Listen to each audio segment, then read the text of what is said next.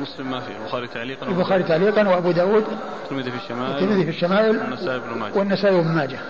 عن أبي عوانة. عن أبي عوانة الوضاح بن عبد الله اليشكري ثقة أخرج له أصحاب الكتب الستة. عن الأسود بن قيس. عن الأسود بن قيس وهو ثقة أخرج له أصحاب الكتب الستة. عن نبيح العنزي. عن نبيح العنزي وهو مقبول أخرج له أصحاب السنن. أصحاب السنن. عن جابر بن عبد الله. عن جابر بن عبد الله الأنصاري وقد مر ذكره. قال رحمه الله تعالى باب الدعاء بظهر الغيب. قال حدثنا رجاء بن المرجى. قال حدثنا النضر بن شميل قال أخبرنا موسى بن سروان. قال حدثني طلحة بن عبيد الله بن كريز. قال حدثتني أم الدرداء أنها قالت حدثني, حدثني سيدي أبو الدرداء رضي الله عنه أنه سمع رسول الله صلى الله عليه وآله وسلم يقول إذا دعا الرجل لأخيه بظهر الغيب قالت الملائكة آمين ولك بمثل. ثم ورد أبو داود رحمه الله الدعاء بظهر الغيب. يعني كل إنسان يدعو لأخيه في غيبته يعني وهو غير حاضر وغير شاهد يعني آه ليس عنده وقد يكون عنده ولكنه بينه وبين نفسه لا يسمعه لأن هذا أيضا من الغيب. وأما إذا دعا له وهو يسمع فهذا ليس دعاء بظهر الغيب.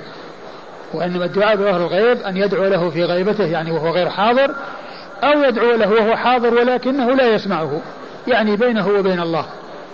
لأن هذا غيب لأنه غائب عن عن الشخص المدعو له. يعني آه يعني الدعاء يعني غير مسموع وغير معلوم يعني للإنسان المدعو له. إما لكونه غائب يعني ليس معه في مكان أو هو معه في مكان ولكنه يدعو يدعو لغيره بينه وبين نفسه فهو دعاء بظهر الغيب. فأورد أبو داود رحمه الله حديث أبي الدرداء. حديث أبي الدرداء رضي الله تعالى عنه أن النبي صلى الله عليه وسلم قال إذا دعا, دعا الرجل لأخيه إذا دعا إذا دعا الرجل والرجل هنا لا مفهوم له. فكذلك المرأة لو دعت يعني لأخيها أو لأختها أو لأحد من الناس بظهر الغيب فإن الحكم واحد وذكر الرجل آه كما هو معلوم آه أنه يأتي آه كثيرا في بعض في الأحاديث ذكر الرجل ولا مفهوم له بمعنى أن المرأة لا تكون كذلك. بل الأحكام هي في الغالب الأحكام هي حيث تأتي هي عامة للرجال والنساء. ولا يميز الرجال عن النساء إلا إذا جاء نصوص تدل على أن هذا الحكم خاص بالرجال وهذا الحكم خاص بالنساء فعند ذلك يصار إلى النصوص المفرقة. أما حيث لا تأتي النصوص بالتفريق بين الرجال والنساء فإن الأحكام تعم الرجال والنساء. وعلى هذا فقول النبي صلى الله عليه وسلم إذا دعا الرجل لأخيه فمثله المرأة لو دعت.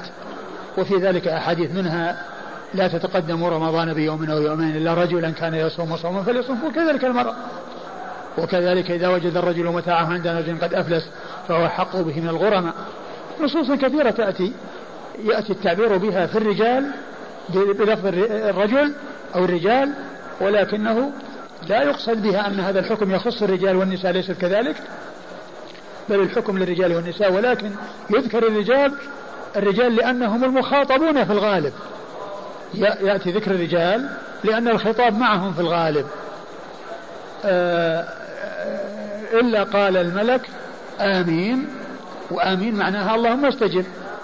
يعني فال ولك بمثل يعني ولك أي يعني يعني لهذا الداعي أيضا تدعو له بمثل ما دعا به لغيره.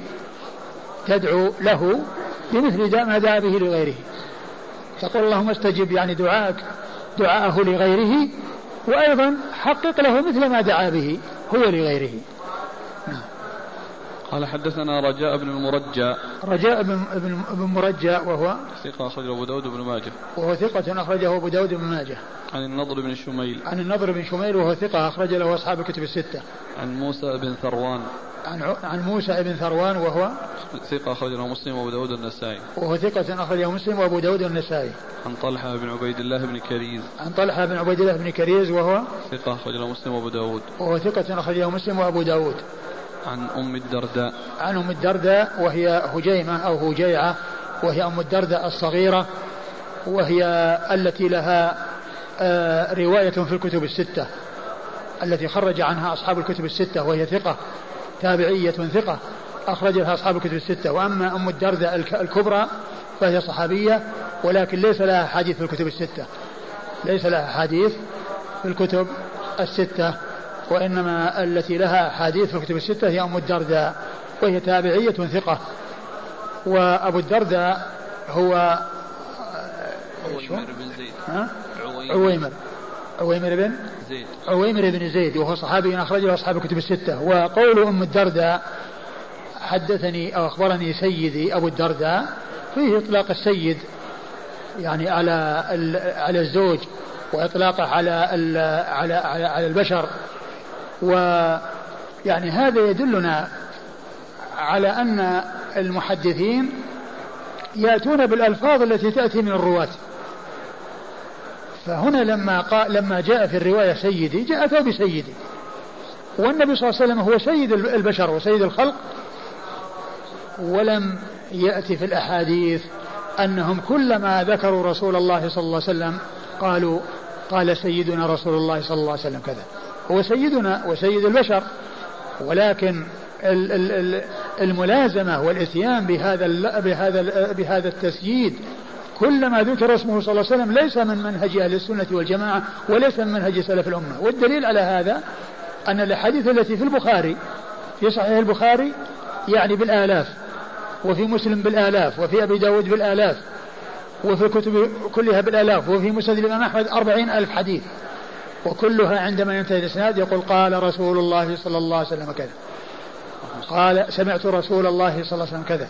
لو كان واحد من الصحابة يقول سي سيدي أو سيدنا ما تركوها. ولهذا يأتي أحيانا إذا عبر شخص بالنبي والثاني عبر بالرسول يقول قال فلان أن النبي النبي الله صلى الله عليه وسلم كذا وقال فلان أن رسول الله صلى الله عليه وسلم كذا كذا. يعني حتى بالشيء الذي يعني ما ترتب عليه شيء. لأن الرسول الرسول والنبي معناها واحد. يعني إذا قال أن نبي الله صلى الله عليه وسلم كذا أن رسول الله يعني لا فرق بينهما. هو هو النبي وهو الرسول صلى الله عليه وسلم. ويأتي يعني في أحاديث متعددة ومر بنا قريبا يعني شيء من هذا. في درس أمس لعله قبل درس أمس. يعني قال أحدهما أن نبي الله صلى الله عليه وسلم كذا والثاني قال رسول الله. يعني هي قريبة جدا يعني هذا اللفظ. مر بنا يعني يمكن درس أمس أو قبل أمس. فهل فهل نحصل هذا؟ نعم نعم رقم كم؟ 1508 1508 إيش إيش الإسناد؟ إيش قال فيه في الآخر؟ قال سمعت نبي قال سمعت نبي الله صلى الله عليه وسلم يقول وقال سليمان كان رسول الله صلى الله عليه وسلم يقول نعم يعني الثاني قال سمعت سمعت نبي الله صلى الله عليه وسلم يقول وقال سليمان الذي هو الراوي الثاني أو الشيخ الثاني لأبي داود كان رسول كان كان رسول الله صلى الله عليه وسلم يقول فهذا عبر بالرسول وهذا عبر بالنبي. هذا عبر بالنبي وهذا عبر بالرسول وهذا قال سمعت وهذا قال كان. وهم يفرقون يعني يعني يحافظون على الألفاظ. فلو كانت يعني آه، جاءت يعني مثل هذه الأشياء يعني لا لا لما تركوها. ولهذا نجد أن استعمال ذلك بصفة دائمة هذا من من عمل أهل البدع ومن عمل المتصوفة. الذين كل ما مر شخص قالوا قال سيدنا فلان قال سيدنا فلان. يعني آه، أي واحد من الصحابة. أو أي كذا يقول لا, لا يذكره إلا ويقول سيدنا هذا ما وجد في كلام في كتب المتقدمين وإنما هذا وجد عند المتأخرين. ولو ولو ومعلوم أن النبي صلى الله عليه وسلم في صدورهم وفي قلوبهم يعني آه، له المنزلة العظيمة ولا ولا يدانيهم أحد ولا يسامي يماثلهم أحد رضي الله تعالى عنهم وأرضاهم. فالحاصل أن التزام ذلك وكون بعض الناس يعني لا يذكر اسم النبي صلى الله عليه وسلم إلا ومع التسييد هذا ليس من عمل السلف والدليل على هذا هذه الكتب التي بالآلاف. كل كل يوم نقرأ أحاديث عديدة سمعت رسول الله صلى الله عليه وسلم يقول كذا قال رسول الله صلى الله عليه وسلم كذا. وهنا لما قالت أم الدرداء قال سيدي جابوا كلمة سيدي لأنها قالتها لأن كلمة سيدي جاءت ذكروها. فلو جاءت عن النبي صلى الله عليه وسلم لكانوا على ذكرها أشد محافظة. لكن هذا منهجهم وهذه طريقتهم رضي الله تعالى عنهم وأرضاهم. وهذه اللفظة أيضا جاءت في صحيح مسلم قال سيدي أبو الدرداء قال سيدي. نعم قال حدثنا أحمد بن عمرو بن السرح قال حدثنا حدثنا ابن وهب قال حدثني عبد الرحمن بن زياد عن أبي عبد الرحمن عن عبد الله بن عمرو بن العاص رضي الله عنهما أن رسول الله صلى الله عليه وآله وسلم قال إن أسرع الدعاء إجابة دعوة غائب لغائب. ثم ورد أبو داود حديث عبد الله بن عمرو العاص رضي الله تعالى عنهما أن النبي صلى الله عليه وسلم قال إن أسرع الدعاء إجابة غائب لغائب يعني أنه يعني من مما تجاب فيه الدعوة يعني دعاء الغائب إلى الغائب. والحديث يعني غير غير صحيح ضعيف لأن في رجل في في إسناده رجل هو عبد الرحمن بن زياد بن أنعم الإفريقي وهو ضعيف. نعم والإسناد؟ قال حدثنا أحمد بن عمرو بن السرح. أحمد بن أحمد بن عمرو بن السرح المصري وهو ثقة أخرج له مسلم وأبو داود والنسائي وابن ماجه. عن ابن وهب عن ابن وهب عبد الله بن وهب المصري ثقة فقيه أخرج له أصحاب الكتب الستة. عن عبد الرحمن بن زياد. عن عبد الرحمن بن زياد بن أنعم الإفريقي وهو ضعيف أخرج له. البخاري في الأدب المفرد وأبو داود والترمذي وابن ماجه. البخاري في الأدب المفرد وأبو داود والترمذي وابن ماجه. عن أبي عبد الرحمن. عن أبي عبد الرحمن الحبلي يعني ما شفتوها؟ آه ما وجدت. ما راجعتوها؟ آه. الحبلي أو الحبلي لا هو هو هو ما أدري هو الحبلي ولا الحبلي لكن كون الحافظ بن حجر قال بضم الحاء والباء موحدة ولم يذكر يعني شيئا وراء ذلك. لو كان هناك شيء يعني يعني فيه تشديد يمكن أن يذكره. لكن آه يعني يناسب أن يرجع إلى الأنساب أو إلى إلا إذا كان أحد من الأخوان اطلع على شيء من ذلك فل فليعجل بالفائدة نعم تشديد الكلام على اللام ما في لا لا لا الباء ما تشدد. الكلام على اللام. ها؟ من قال؟ لا هو في التقريب قال بضم الحاء والباء الموحدة. يعني الباء يعني مضمومة لكن التشديد يعني الكلام هو في اللام هل هو موجود أو غير موجود. على كل كتاب الأنساب للسمعاني أو اللباب في تهذيب الأنساب يعني اللي هو اختصاره يعني أو يعني في الكتب الأخرى. على كل أنا يعني كنت يعني هذا لكني ما ما تمكنت من مراجعته لا ليس هذا اللي يأتي بعده. إيش؟ اي وش به؟ لا لا غلط. هو عبد الرحمن. هو موجود عندك في الاسناد فوق عبد الرحمن. وعبد الرحمن الإفريقي هذا مشهور بعبد الرحمن الإفريقي وهو متقدم وهو ضعيف. وفي هذا العصر وفي هذا الزمان شخص مشهور بعبد الرحمن الإفريقي وهو من المحدثين الكبار وقد توفي رحمة الله عليه سنة ألف و أو ثلاثمائة وسبع وسبعين. أظنه ألف ثلاثمائة وسبع وسبعين أو ست وسبعين. يعني كان محدثا وكان عالما وقد درست عليه في آه، معهد الرياض العلمي في الحديث وفي المصطلح. وكان آه، رجلا فاضلا وعالما. وهو شيخ ل يعني الشيخ عمر محمد فلاتة رحمه الله. وقد كنت طلبت منه أن يكتب محاضرة عن الشيخ عبد الرحمن الإفريقي. وقد كتبها وهي, وهي محاضرة مطولة. وقد نشرت في في في محاضرات الجامعة الإسلامية التي كانت في عام 65 95 96 يعني 15 محاضرة في كتاب واحد ومنها محاضرة عن الشيخ عبد الرحمن الأفريقي للشيخ عمر محمد فلاتة رحمه الله. عن أبي عبد الرحمن عبد الله بن يزيد عن نحن وقفنا عند هذا. عن أبي عبد الرحمن. عن أبي عبد الرحمن عن إيش؟ فما ترجمنا له. عن أبي عبد الرحمن؟ مم. عبد الرحمن. اختلفنا فيه الحبولي ولا الحبولي اي عن أبي عبد الرحمن نعم اسمه عبد نعم. أبي عبد الرحمن هو ذكره بكنيته وهو عبد وهو عبد الله ابن يزيد وهو ثقة أخرجه أصحاب كتب الستة. البخاري في المفرد ومسلم وأصحاب السنن. أخرجه البخاري في المفرد ومسلم وأصحاب السنن. عن عبد الله بن عمرو بن العاص. عن عبد الله بن عمرو بن العاص رضي الله عنه مع صحابه الجليل أحد العبادله الأربعة من أصحاب رسول الله صلى الله عليه وسلم وهم عبد الله بن عمرو وعبد الله بن عمر وعبد الله بن عباس وعبد الله بن الزبير. وحديثه أخرجه أصحاب كتب الستة. قال حدثنا مسلم بن إبراهيم قال حدثنا وهو أكبر أولاد عمرو بن العاص رضي الله عنه. ويقال إنه بينه وبينه ثلاثة عشر سنة.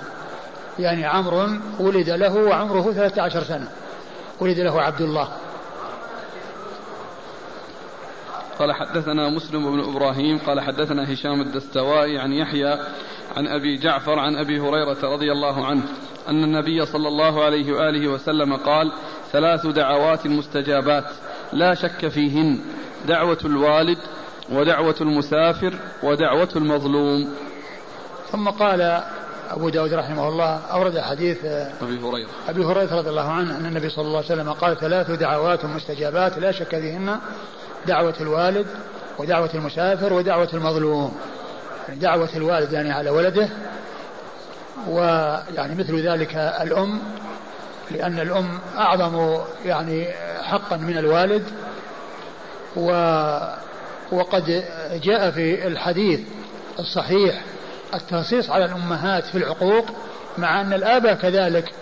يعني عقوقهم آه، آه، يعني عظيم وشديد ولكنه نص على الأمهات في الحديث المشهور الحديث الصحيح الذي ينهاكم عن عن ثلاث آه، وأد البنات ومنع وهات و قيل أو قالوا يضاعف. لا لا. عقوق الأمهات ووأد البنات ومنع وهات. عقوق الأمهات ووأد البنات ومنع وهات. يعني هذا الحديث. يعني فنص على الأمهات مع أن العقوق يعني آه، سواء للأب أو للأم كله خطير ولكن الأم أعظم وأشد. ولهذا النبي صلى الله عليه وسلم لما قال ما قال من حق قال أمك ثم قال أمك قال ثم أمك ثم أباك. يعني لعظم حقها ويعني هي مقدمة على الأب. يعني آه، في الحق لكثرة ما حصل لها لا للإبن بسببها من التعب ومن النصب والمشقة. نعم. ودعوة المسافر. ودعوة المسافر. ودعوة المسافر يعني آآ آه، آآ آه، كونه في سفر يعني يدعو على يعني على أحد يعني ألحق به ضررا أو غير ذلك لأنه يعني آه، فيه عنده شدة وعنده تعب وعنده نصب. فإذا أوذي ودعا على أحد مع ما يحصل له من النصب والمشقة في سفره فيكون آه، يعني آه، في قلبه شيء من الضيق وفي قلبه شيء من التعب. فيدعو على أحد فإن ذلك يكون من أسباب دعوته مستجابة كما قال ذلك رسول الله صلى الله عليه وسلم. وكذلك دعوة المظلوم. دعوة المظلوم على من ظلمه. دعوة المظلوم على من ظلمه. وكذلك لمن أحسن إليه إذا دعا له إذا دعا له لكونه يعني خلصه من ظلم أو حال بينه وبين يعني ال ال يعني مكنه من من وصول حقه. نعم. إن شاء الله إن شاء الله إن شاء الله. إلا كذلك يعني يشمل يعني له ولغيره الدعاء على والدعاء لي. نعم الدعاء له والدعاء عليه. قال حدثنا مسلم بن إبراهيم. مسلم بن إبراهيم الفراهيدي ثقة أخرج له أصحاب الكتب الستة. عن هشام الدستوائي. عن هشام الدستوائي هشام بن أبي عبد الله الدستوائي ثقة أخرج له أصحاب الكتب الستة. عن يحيى. عن يحيى هو بن ابن أبي كثير اليمامي وهو ثقة أخرج له أصحاب الكتب الستة. عن أبي جعفر. عن أبي جعفر قيل هو أبو جعفر محمد بن علي بن الحسين الذي هو الباقر آه، أحد أئمة أهل السنة وحديثه أخرجه أصحاب الكتب الستة وهو من الأئمة الاثني عشر عند الرافضة الذين يدعون فيهم العصمة ويقولون فيهم من المبالغة يعني ما لا يجوز أن يطلق عليهم ولا على أحد يعني من البشر بل يطلقون عليهم أمورا آه، عظيمة وخطيرة كما جاء في كتاب الكافي وهو من أعظم كتب الرافضة. يقول فيه أبواب يقول باب أن باب أن الأئمة يعلمون ما كان وما سيكون وأنهم يعلمون متى يموتون وأنهم لا يموتون إلا باختيارهم. وتحته حديث مكذوبة. وكذلك باب أن أنه ليس شيء من الحق إلا ما خرج من عند الأئمة. وأن كل شيء لم يخرج من عندهم فهو باطل. باب أنه ليس شيء من الحق إلا ما خرج من عند الأئمة. وأن كل شيء لم يخرج من عندهم فهو باطل. وهكذا يعني أبواب في كتاب الكافي تحتها أحاديث يعني من هذا النوع يعني من نوع هذه الترجمة. وأما أهل السنة والجماعة فيعرفون لأهل البيت قدرهم وفضلهم لا سيما من كان منهم من أصحاب رسول الله صلى الله عليه وسلم. سواء أولا سواء علي وأولاده وسواء يعني آه، العباس وأولاده وسواء يعني قرابة رسول الله صلى الله عليه وسلم. آه، وقد وقد جاء نصوص عن أهل السنة تدل على تعظيم أهل البيت وبيان قدرهم. والبخاري أورد أثرين في صحيحه عن أبي بكر الصديق رضي الله عنه أحدهما قوله والله لقرابة رسول الله صلى الله عليه وسلم أحق أحب إلي أن أصل من قرابتي. يعني معناه أن قرابة آل محمد يصلهم أحب إليه أن أن يصل آل أبي بكر. والله لقرابة رسول الله صلى الله عليه وسلم أحب إلي أن أصل من قرابتي. والحديث والأثر الآخر يقول ارقبوا محمدا في أهل بيته. يعني راق يعني راعوا وصيته وفي أهل بيته صلى الله عليه وسلم. وكذلك عمر جاء عنه يعني شيء من ذلك. يعني يدل على فضل على على معرفة قدر أهل البيت. كما قال في العباس لما أصابهم القحط والجدب خرج بالناس للاستسقاء وطلب من العباس أن يدعو للناس لأنه عم الرسول صلى الله عليه وسلم. وقال كما في البخاري اللهم إن كنا إذا أجذبنا توسلنا إليك بنبينا فتسقينا. يعني طلبنا منه أن يدعو لنا. فتسقينا يدعو لنا وتسقينا. وإنا نتوسل إليك بعم نبينا يعني بدعاء. قم يا عباس ادعو الله. وقال عم نبينا ما قال بالعباس لأن المقصود هو القرابة. قال عم نبينا ما قال نتوسل إليك بالعباس؟ يعني المقصود هو قرابة من رسول الله صلى الله عليه وسلم. و آه، ف يعني هذه منهج أهل السنة والجماعة وطريقتهم. وأما الرافضة فهم يغلون في في في في, في, في الأئمة الاثنى عشر ومنهم أبو جعفر محمد بن علي بن حسين رحمة الله عليه وهو ثقة أخرجه أصحاب الكتب الستة وقيل إنه أبو جعفر المؤذن. يعني قال المزي في تحفة الأشراف ويقال إنه أبو جعفر المؤذن وهو مقبول أخرجه البخاري في المفرد وأبو داود والترمذي والنسائي في عمل يوم الليلة وابن ماجه. وهو مقبول أخرجه البخاري في المفرد. و أبو داود والترمذي. أبو داود والترمذي والنسائي. في عمل يوم الليلة. في عمل يوم الليلة وابن ماجه. وابن ماجه. الحافظ في النكت الظراف يفهم منه الترجيح أنه أبو جعفر المؤذن يعني علق عليه. إيه في النكت تعليق على هذا. وذكر اي على تحت الإشراف. اي يعني علق عليه. اي أنا ما شفت التعليق. أنا شفت بس كلام يعني كلام المزي بس. يعني كنا نريد أن نعرف من هو الشخص. فيعني والترمذي ذكره أيضا ونص عليه أبو جعفر المؤذن. أقول أو الترمذي ذكره في السنن وقال أبو جعفر المؤذن. نعم. وهنا في في أبي جعفر في الكنى قال أبو جعفر المؤذن الأنصاري المدني مقبول من الثالثة ومن زعم أنه محمد بن علي بن حسين فقد وهم. يقوله ابن حجر؟ أي. قاله في الكنى؟ نعم. آه. أي. آه هو لعله يقصد المزي. يعني المزي هو الذي قال هو محمد بن علي بن حسين. يقال نعم. نعم.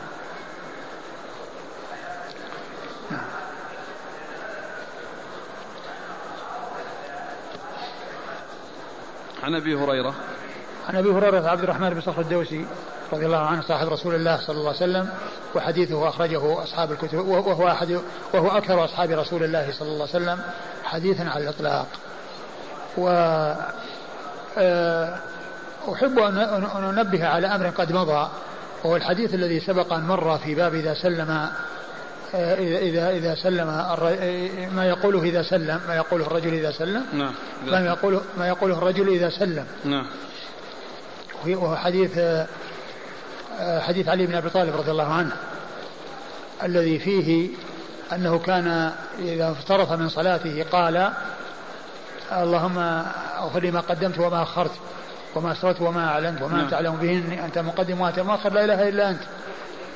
والحديث رواه مسلم ورواه غير مسلم. وأبو داود رحمه الله ذكره في ما يقول إذا سلم يعني بعد السلام. لأنه جاء بالروايات الكثيرة التي فيها الذكر بعد السلام. مثل اللهم أنت السلام ومنك السلام تبارك يا الجلال والإكرام. لكن يعني آه، نبهني الابن عبد الرزاق على أن الإمام مسلم رحمه الله وكذلك يعني بعض الذين خرجوا له خرجوا الحديث يعني غير مسلم ذكروا أنه كان يقولون ذلك بعد التش... بين التشهد والتسليم. ومعنى ذلك أنه يقوله في آخر الصلاة يعني قبل السلام. أنه كان يقوله والحديث مخرجه واحد. فيمكن أن يحمل قوله إذا انصرف من صلاته يعني إذا أراد أن ينصرف من صلاته. إذا أراد أن ينصرف من صلاته يعني إذا أراد أن يسلم يعني قبل السلام. في... نعم. اللفظ إذا سلم من الصلاة. إذا سلم. هكذا هنا في المتن؟ نعم. إذا سلم. أي. يعني أراد أن يسلم. مم. إذا سلم من الصلاة يعني أراد أن يسلم من الصلاة يعني قبل. وبذلك يتفق مع رواية مسلم وغيره الذين قالوا أنه من أظنه قال من آخر ما يكون بين التشهد والتسليم بين التشهد والتسليم لكن الدعاء بعد السلام كما هو معلوم ثابت ومنه أستغفر الله أستغفر الله أستغفر الله. نعم.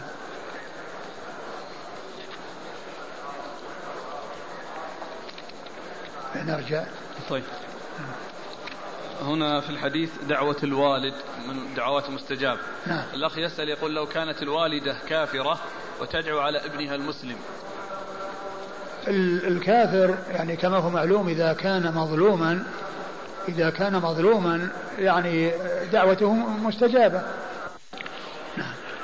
قال رحمه الله تعالى باب ما يقول الرجل إذا خاف قوما قال حدثنا محمد بن المثنى قال حدثنا معاذ بن هشام قال حدثني أبي عن قتادة عن أبي بردة بن عبد الله أن أباه رضي الله عنه حدثه أن النبي صلى الله عليه وسلم كان إذا خاف قوما قال اللهم إنا نجعلك في نحورهم ونعوذ بك من شرورهم. ثم ورد أبو داود رحمه الله باب ما يقول إذا خاف قوما يعني ما يقوله من الدعاء عليهم. يقول اللهم إنا نجعلك في نحورهم ونعوذ بك من شرورهم. نجعلك في نحورهم يعني أنت الذي آه، تلقاهم وتقابلهم يعني بالشيء الذي آه، يستحقونه. يعني فنطلب آه، منك أن تنصرنا عليهم وأن توقع فيهم الهزيمة وتوقع فيهم ما يستحقونه يعني من من العذاب. و ومعلوم أن ذكر النحور يعني لأنها في المقابلة. يعني في مقابل لأن يعني من يريد أن يعني يفتك يعني كذا هو يلقي بنحره ويقابل يعني. بخلاف الذي يكون بخلاف ذلك فإنه يكون آه، مدبرا أو يكون موليا ظهره. ولكن الذي يكون يعني آه، مصمم وحريص على الإيقاع بمن يريد الإيقاع به فإنه يلقي بنحره ويقبل بوجهه. و وهذا فيه البيت من الشعر الذي يقول ولسنا على الأدماء على الأعقاب تدمى قلوبنا ولكن على ولكن على أقدامنا تقطر الدماء. يعني معناه أنهم يعني الجروح فيهم من الأمام لأنهم مقبلين وليس من الخلف لأنهم مدبرين. ولسنا على على الأعقاب تدمى قلوبنا. لأن الذي يكون هارب ولحقه أحد وجرحه من وراه يعني هارب ولكن يعني يحكي عن إقبالهم وعلى عدم انهزامهم وعدم انحرافهم وانصرافهم ولكن على أقدامنا تقطر الدماء إذا حصل جروح ولا شيء وإذا من جهة الأمام لأنهم مقبلون. فيعني نجعلك في نحورهم يعني من يريد شيئا ويريد فتكا فإنه آه، يلقي بنحره بوجهه نعم ونعوذ بك من شرورهم نعم قال حدثنا محمد بن المثنى محمد بن المثنى العنزي ثقة أخرجه أصحاب كتب الستة بل هو شيخ لأصحاب كتب الستة. عن معاذ بن هشام. عن معاذ بن هشام وهو صدوق ربما وهم. ربما وهم أخرجه أصحاب كتب الستة. عن أبيه. عن أبيه هشام بن أبي عبد الله الدستوائي ثقة مر ذكره. عن أبي بردة بن عبد الله. عن أبي بردة بن عبد الله بن قيس الأشعري وهو ثقة أخرج له أصحاب كتب الستة. قبله قتادة. وقتادة قبل عبد أبو بردة قتادة وابن دعامة السدوسي البصري ثقة أخرجه أصحاب كتب الستة. عن أب... عن أبي بردة عن أبيه. عن أبيه هو عبد الله بن قيس الأشعري أبو موسى الأشعري رضي الله عنه صاحب رسول الله صلى الله عليه وسلم وحديثه أخرجه أصحاب كتب الستة.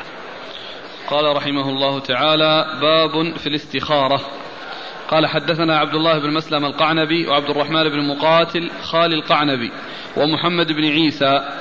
المعنى واحد. قالوا حدثنا عبد الرحمن بن أبي الموالي قال حدثني محمد بن المنكدر أنه سمع جابر بن عبد الله رضي الله عنهما قال كان رسول الله صلى الله عليه وآله وسلم يعلمنا الاستخارة كما يعلمنا السورة من القرآن. يقول لنا إذا هم أحدكم بالأمر فليركع ركعتين من غير الفريضة وليقل اللهم إني أستخيرك بعلمك وأستقدرك بقدرتك وأسألك من فضلك العظيم فإنك تقدر ولا أقدر وتعلم ولا أعلم وأنت علام الغيوب. اللهم إن كنت تعلم أن هذا الأمر يسميه بعينه الذي يريد خير لي في ديني ومعاشي ومعادي وعاقبة أمري فاقدره لي. ويسره لي وبارك لي فيه. اللهم وإن كنت تعلمه شرا لي مثل الأول فاصرفني عنه واصرفه عني واقدر لي الخير حيث كان ثم ردني به. أو قال في عاجل أمري وآجله. قال ابن مسلمة وابن عيسى عن محمد بن المنكدر عن جابر. ثم ورد أبو داود رحمه الله باب الاستخارة. باب في الاستخارة أو باب الاستخارة؟ باب في الاستخارة نعم. نعم. باب في الاستخارة. باب في الاستخارة. الاستخارة هي طلب الخير خير الأمرين. اللذين يستخير بها بهما الإنسان ربه يطلب منه الخيرة أو الخير فيما يختاره له. من الاثنين الذي هو الإقدام على الشيء أو الإحجام عنه. كأن يعني آه، في زواج من امرأة معينة أو في سفر لتجارة أو لأمر من الأمور آه، التي آه، يستخير الإنسان بها ربه بأن آه، يسأله بأن يجعله يقدم على ذلك الشيء الذي أراده وأن يكون فيه الخير له أو يحجم عنه ويصرف نفسه عن ويصرفه الله عنه لما يكون فيه من الشر له ولما فيه من عدم الخير له. هذا هو المقصود بالاستخارة. وقد أورد أبو داود حديث جابر بن عبد الله الأنصاري رضي الله تعالى عنهما وهو حديث عظيم. يعني مشتمل على دعاء عظيم. والنبي صلى الله عليه وسلم اهتم بهذا الدعاء حيث بين جابر رضي الله عنه أنه كان يعلمهم هذا الدعاء كما يعلمهم السورة من القرآن. يعني معناه لشدة العناية به والاهتمام به. وهذا مثل ما جاء في التشهد يعلمهم التشهد كما يعلمهم السورة من القرآن. هذا التعبير يدل على الاعتناء وأنه يعلمهم كما يعلمهم القرآن يعني لأهميته ولشدة الاعتناء به. فكان يقول النبي صلى الله عليه وسلم إذا إذا هم إذا هم أحدكم بالأمر فليركع. أحدكم بالأمر فليركع ركعتين من غير الفريضة. يعني إذا هم أحدكم بأمر من الأمور يعني كالأمثلة التي ذكرت يعني زواج من امرأة معينة أو سفرا أو دخول في تجارة معينة أو غير ذلك من الأعمال يستخير الله عز وجل ويطلب منه الخير يعني في أن يقدم أو يحجم في أن يقدم أو يحجم. فليركع ركعتين من غير الفريضة يعني يصلي ركعتين يعني نافلة يقصد بهما أنه يستخير بعدهما والاستخارة تكون بعد السلام بعد ما يصلي ركعتين يستخير بعد السلام يدعو بهذا الدعاء الذي جاء عن رسول الله فليقل اللهم إني أستخيرك بعلمك. يعني أطلب منك الخير وأنت تعلم كل شيء ولا يخفى عليك خافية في الأرض ولا في السماء. تعلم أن هذا خير أو غير خير. أستخيرك بعلمك لأنك أنت علام الغيوب وأنت تعلم أنها أن كل شيء تعلم كل شيء وتعلم أن هذا خير لي أو ليس بخير لي. أستخيرك بعلمك يعني أنك تعلم أنه خير أو ليس بخير. وأستقدرك بقدرتك يعني أسألك أن تقدرني على الشيء الذي يكون خيرا لي بقدرتك. وأستقدرك بقدرتك وأسألك من فضلك العظيم. فيه نعم. وأسألك من فضلك العظيم. نعم. فإنك تقدر ولا أقدر. وأسألك من فضلك العظيم فإنك تقدر ولا أقدر وتعلم ولا أعلم وأنت علام الغيوب. يعني بعد أن أثنى على الله عز وجل يعني بين ضعفه وأنه الله يقدر وهو لا يقدر والله يعلم وهو لا يعلم. و وأنه سبحانه وتعالى علام الغيوب. أين؟ نعم. اللهم إن كنت تعلم أن هذا الأمر. اللهم إن كنت تعلم أن هذا الأمر. ويسميه فيقول اللهم إن كنت تعلم أن زواجي بفلانة خير لي في ديني ودنياي. وإن كنت تعلم أن زواجي بفلانة شر لي في ديني ودنياي. أو يقول الله إن كنت تعلم أن دخولي في هذه التجارة خير لي في ديني ودنياي. اللهم أنت كنت تعلم في سفري لهذا الأمر أو لهذا الغرض خير لي في ديني ودنياي. فيسميه بعينه يعني يسمي ذلك الشيء الذي يستخير فيه يعني في دعائه يسميه في دعائه. نعم اللهم إن كنت تعلم أن هذا الأمر خير لي في ديني ومعاشي ومعاشي أنك إن كنت تعلم أن هذا الأمر خير لي في ديني يعني ديني آآ آآ آآ بدأ بالدين لأنه هو كل شيء وهو أهم شيء أهم شيء وهو أعظم شيء للإنسان. يعني سلامة دينه والخير له في دينه. قدمه على غيره لأن لأن الخير كل الخير في سلامة الدين والشر في كل الشر في خلاف ذلك والعياذ بالله. في ديني ومعاشي. ومعاشي يعني آه، في هذه الحياة الدنيا. يعني معاشي في هذه الحياة الدنيا يعني في حياتي. نعم. ومعادي. ومعادي يعني الحياة الآخرة. ومعادي الحياة الآخرة. وعاقبة أمري. وعاقبة أمري عاقبة أمري يشمل الدنيا والآخرة. يشمل العاقبة الحسنة في الدنيا والآخرة. ويدخل في ذلك سعادة الدنيا والآخرة. نعم. فاقدره لي. فاقدره لي. يعني آه، أقدر لي يعني هذا الذي آه، طلبته ويسره لي وهيئه لي ومكني آه، منه واجعلني احصل عليه وافعله ويسره لي. يعني اجعل هذا العمل الذي اردته ميسرا. نعم. فاقدره لي ويسره لي وبارك لي فيه. وبارك لي فيه. يعني بعد أن آه، حققته لي ويسرته لي تبارك لي فيه بعد حصولي عليه. تبارك لي فيه آه، آه، حيث أحصل عليه أو حيث حصلت عليه. اللهم وإن كنت تعلمه شرا لي مثل الأول. وإن كنت تعلمه يعني يسميه شرا لي مثل الأول يعني في ديني ومعاشي ومعادي وعاقبة أمري يعني بيأتي بمثل الكلام الذي مضى. يعني الذي فيما يتعلق أن كان يعلم خير له في كذا وكذا وكذا وكذا أو يعلمه شرا له في كذا وكذا وكذا. يعني بدلا من كونه يكرر يعني هذه الكلمات قال مثل الأول. يعني مثل ما قال عند كونه آه، يكون خيرا له في هذه الأمور. أيضا كذلك إذا كان شرا له في هذه الأمور فإنه يصرف عنه يعني في دينه إذا كان شرا له في دينه ومعاشه في حياته ومعاده في آخرته وعاقبة أمره في دنياه وفي آخرته. فاصرفه عنه فاصرفني عنه واصرفه عني. يعني اصرفني عنه يعني حل بيني وبينه واجعل نفسي آه، تنصرف عنه وتعزف عنه.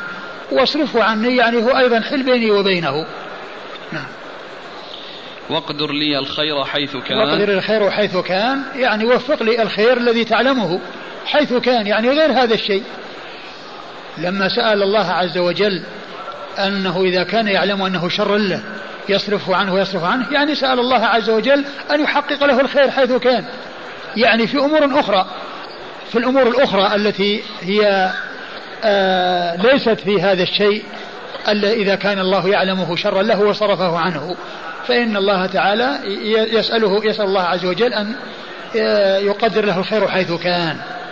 يعني في الأمور الأخرى يعني سواء في الزمان أو المكان. نعم. ثم رضني به. ثم رضني به. يعني ذلك الذي تقدره لي من الخير رضني به أجعلني به راضيا. نعم. أو, أو قال في عاجل أمري وآجله. أو قال في عاجل أمري وعاجله يعني آه، قيل لعلها بدلا من قوله وعاقبة أمري. يعني عاقبة أمري يعني الشك بين هذه أو هذه. قال يعني عاقبة أمري أو قال عاجل أمري وآجله. نعم. يستخير يكرر الاستخارة. إذا إذا استخار ولم يتبين له شيء ولم يترجح يعيد. وإن استخار وتبين له وترجى له أحد الأمرين يقدم أو يحجم. والله ما أعرف يعني العدد يعني يستخير إلى متى؟ ما أعرف يعني عددا ينتهى إليه. قال حدثنا عبد الله بن مسلم القعنبي. ثم يعني بالمناسبة هناك يعني حديث مشهور عند الناس. ما خاب من استخار ولا ندم من استشار. ولا عال من اقتصد وهذا الحديث ذكره الشيخ الألباني في الضعيفة وقال إنه موضوع ورقمه 611 في الضعيفة. ما خاب من استخار. ومعناه صحيح لأن الاستخارة فيها خير. يعني سواء كان في إقدام أو إحجام وكذلك الاستشارة فيها خير وكذلك الاقتصاد فيه خير. ولكن ليس كل كلام جميل يكون حديثا. لأن الوضاعين يأتون بحكم ويركبون لها أسانيد. فليس كل كلام جميل إذا أضيف إلى الرسول صلى الله عليه وسلم يقال هذا كلام الرسول. لأن هناك حكم جميلة يركب لها الوضاع. أسانيد يكذبونها ويضيفونها إلى رسول الله صلى الله عليه وسلم. وبعض الوضاعين آه، آه، أسباب الوضع كثيرة ولكن منها أن بعض الوضاعين لجهله يقول أنه يعني في الترغيب والترهيب ما في بأس. لأنه يعني يقول أن نكذب للرسول لا نكذب عليه. والرسول ليس بحاجة إلى أن تكمل شريعته بالكذب. فهي كاملة بدون كذب الكذابين. لا في الترغيب ولا في الترغيب ولا في غير ذلك. ونواصل بعد الأذان.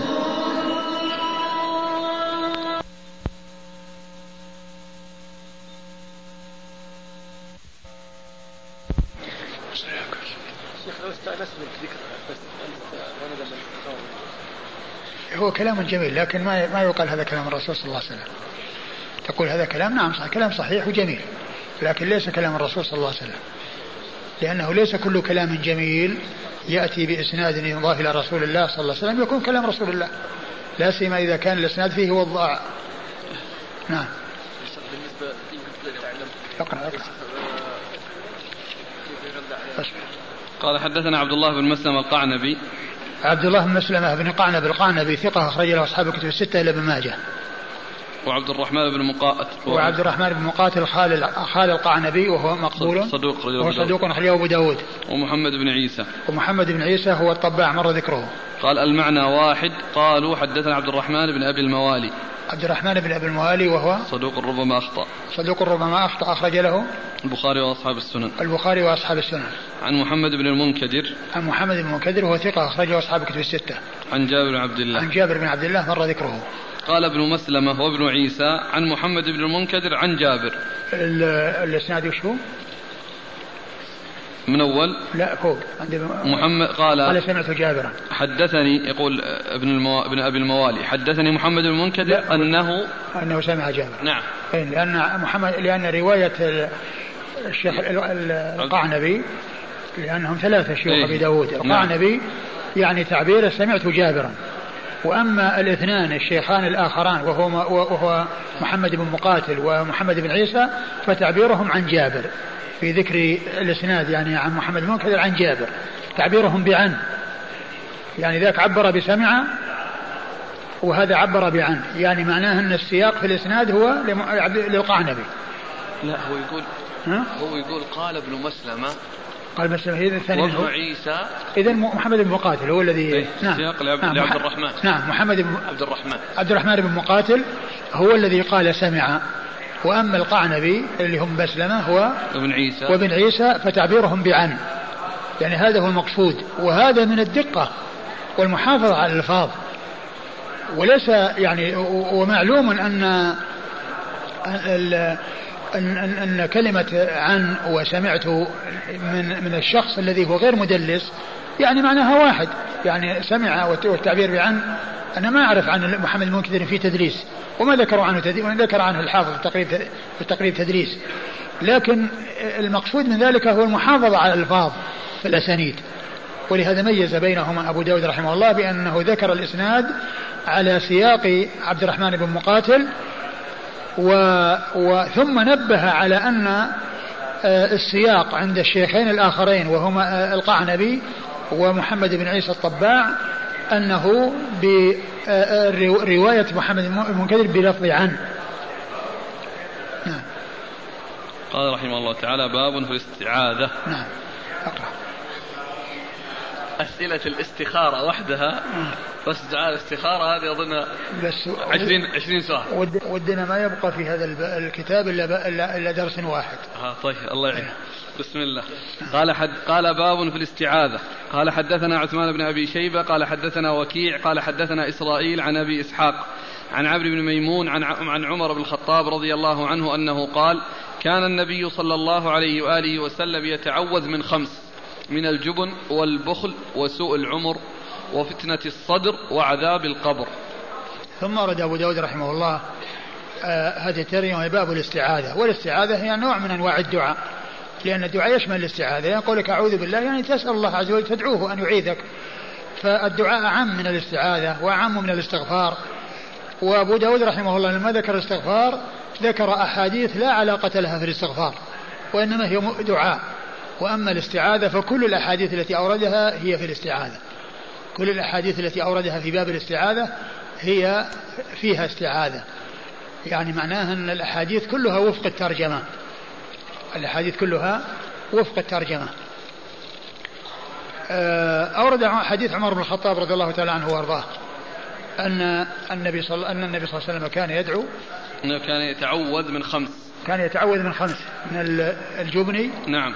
والبخل نعم. وسوء العمر. وسوء العمر وفتنة الصدر وعذاب القبر. نعم. يعني هذه الخمس كان يستعيذ منها رسول الله صلى الله عليه وسلم. الجبن وهو ضد الشجاعة. يعني سواء في الجهاد في الجهاد في سبيل الله أو في يعني الأمر بالمعروف والنهي عن المنكر أو غير ذلك. يعني الذي في ضعف وخور ومهابة تجعل الإنسان يتأخر عن فعل الخير بسبب الجبن. والبخل الذي هو ضد الجود والكرم. يعني كون الإنسان يبخل يعني بالمال. وفتنة سوء العمر. وسوء العمر يعني كونه يعني يرد إلى أرذل العمر. يعني بأن تتقدم به السن يعني بحيث يعني آه، يرجع إلى أرذل العمر فيكون مثل الطفل الذي هو الهرم. نعم وأرذل العمر. نعم. فتنة الصدر. وفتنة الصدر يعني هي ضيقة أو أنه ما يتعلق يعني في القلب من من السوء ومن الشر وسيأتي حديث النبي صلى الله عليه وسلم فيه التعوذ ومن شر قلبي شر سمعي ومن شر بصري ومن شر قلبي فهو يعني يماثل هذا. والصدر كما هو معلوم هو هو موضع موضع القلب. كما جاء في القرآن فإنها لا تعمل الأبصار ولكن تعمل القلوب التي في الصدور. فإما أن يراد به الصدر ويراد به يعني ضيقة وما يحصل من من الضيق للإنسان أو يراد به القلب أو ما يحصل للقلب الذي هو في الصدر وداخل الصدر يعني من من الفتن ومن التي تعرض على القلوب كما جاء الفتن تعرض على القلوب وهكذا. نعم. جاء وسوسة الصدر. وسوسة الصدر يعني كما هو عن هذا يوضح أن المقصود في القلب يعني وسوسة في القلب. نعم. وعذاب القبر. وعذاب القبر هذا من تواترت به الأحاديث عن رسول الله صلى الله عليه وسلم وقد أنكر المعتزلة عذاب عذاب القبر وأن الناس يعذبون في قبورهم. والأحاديث متواترة بذلك عن رسول الله صلى الله عليه وسلم. نعم والإسناد؟ قال حدثنا عثمان بن أبي شيبة. عثمان بن أبي شيبة ثقة أخرجه أصحاب الكتب الستة إلا الترمذي. عن وكيع. عن وكيع وهو ابن الجراح الرؤاسي الكوفي ثقة أخرج له أصحاب الكتب الستة. عن إسرائيل. عن إسرائيل وهو بن يونس بن أبي إسحاق وهو ثقة أخرج له أصحاب الكتب الستة. عن أبي إسحاق. عن أبي إسحاق السبيعي عمرو بن عبد الله الهمداني ثقة أخرج له أصحاب الكتب الستة. عن عمرو بن ميمون. عن عمرو بن ميمون وهو ثقة مخضرم أخرج له أصحاب الكتب الستة. عن عمر بن الخطاب. عن عمر بن الخطاب وهو أمير المؤمنين وثاني الخلفاء الراشدين الهادي المهديين صاحب المناقب الجمة والفضائل الكثيرة أخرجه أصحاب الكتب الستة والحديث ذكره الألباني في الضعيفة ولا أدري وجه هذا التضعيف لأن الإسناد يعني رجالة كلهم يعني آه، معروفون وكلهم ثقات. ثم أيضا الأحاديث التي الألفاظ التي وردت فيه كلها جاءت عن رسول الله صلى الله عليه وسلم. كلها جاءت عن النبي صلى الله, صلى الله عليه وسلم. يعني إلا فتنة الصدر ما أدري يعني هل يعني جاءت في حديث آخر بهذا اللفظ أو لا. لكن ال ال ال يعني يعني جاءت أحاديث أخرى تدل على هذه الألفاظ. الإسناد يعني الضعيف. وين الإسناد؟ هذا. لأنه أبو إسحاق آه. عن نفس اللي مر معنا أمس. نعم لكن بس الكلام على يعني كونه موجود يعني آه، أحاديث تدل على ما دل عليه. تصحيح بالشواهد. أي ما يقال أنه ضعيف. صحيح. أنا ما أدري وجه التضعيف عند عند الشيخ الألباني رحمه الله. قال حدثنا مسدد قال أخبرنا المعتمر والحديث إذا صح لشواهده ما يقال إنه ضعيف. أقول ما يقال إنه ضعيف يقول إنه يعني آه، صحيح. نعم. أي ثاني؟ لا اتاكد هو نعم. لا الثاني ما في ضعف. مسدد ومعتمر وأبوه وأنس. وش ضعف؟ لا هو فيه يعني شك. لأن فيه أراه فين أراه أين؟ لكنه صحيح لا صححه الألباني. أي واحد ثاني؟ هذا الثاني. أخرجه البخاري ومسلم. ها؟ أي موجود. قال الإمام أبو داود السجستاني رحمه الله تعالى باب في الاستعاذة. ثم ذكر قال حدثنا مسدد قال أخبرنا المعتمر قال سمعت أبي قال سمعت أنس بن مالك رضي الله عنه يقول كان رسول الله صلى الله عليه وآله وسلم يقول اللهم إني أعوذ بك من العجز والكسل والجبن والبخل والهرم وأعوذ بك من عذاب القبر وأعوذ بك من فتنة المحيا والممات. بسم الله الرحمن الرحيم، الحمد لله رب العالمين وصلى الله وسلم وبارك على عبده ورسوله نبينا وعلى نبينا محمد وعلى آله وأصحابه أجمعين أما بعد فقد مر في باب الاستعاذة حديث عن عمر بن الخطاب رضي الله تعالى عنه وأرضاه وذكر الشيخ الألباني أنه ذكره في الضعيفة وقلت إن إسناده يعني آه، رجاله ثقات ومعناه جاء في الأحاديث الأخرى فلا أدري وجه ذلك التضعيف مع أنه سبق أن مر أنه ذكر ذلك الحديث الذي فيه من قال أستغفر الله الذي لا إله إلا هو الحي القيوم وأتوب إليه آه، غفر ذنوبه لو كان فر من الزحف وفيه أربعة من المقبولين. وكتب عنه أنه صحيح يعني ل يعني لطرق أخرى. وقد ذكرنا حديث عبد الله بن مسعود رضي الله عنه الذي ذكره هو في السلسلة الصحيحة وأن المعول عليه حديث عبد الله بن مسعود ويكون ذلك الحديث آه، يعني ما جاء في صحيح. فلا أدري يعني كيف قال بعدم تصحيح هذا الحديث مع أن الذي جاء فيه آه يعني آه جاء في حديث صحيحة. آه بعد ذلك أورد أبو داود رحمه الله حديث أنس بن مالك رضي الله عنه أن النبي صلى الله عليه وسلم كان يتعوذ من العجز والكسل. العجز هو يعني آه، العجز هو مقابل القدرة و المقصود به العجز عن الاتيان بما هو خير وفيما يعود عليه بالخير. و والكسل هو ضد الخمول وعدم النشاط الذي هو مقابل الجد. وأعوذ بك. والجبن والبخل. والجبن الذي هو ضد الشجاعة و فيدخل فيه الجبن في الجهاد في سبيل الله وكذلك فيما يتعلق بالأمر بالمعروف والنهي عن المنكر. نعم. الجبن والبخل. الذي هو آه، آه، الشح أو الشح هو أشد البخل الذي هو ضد الكرم ومقابل الكرم والجود والإحسان. نعم. والهرم. والهرم الذي هو الشيخوخة التي يكون معها الضعف ويكون معها الرد لأرض العمر. نعم. وأعوذ بك من عذاب القبر. وأعوذ بك من عذاب القبر. وأعوذ بك من عذاب القبر. وهو ما يحصل بين الموت والبعث من القبور. فإن الناس يعذبون في قبورهم وينعمون. والقبر يعتبر هو من الدار الآخرة لأن الحد الفاصل بين الدنيا والآخرة الموت. فالحد الفاصل بين الدنيا والآخرة الموت فمن مات قامت قيامته وانتقل من دار العمل إلى دار الجزاء فهو يجازى في قبره على ما قدم إن خيرا فخير وإن شرا فشر. نعم.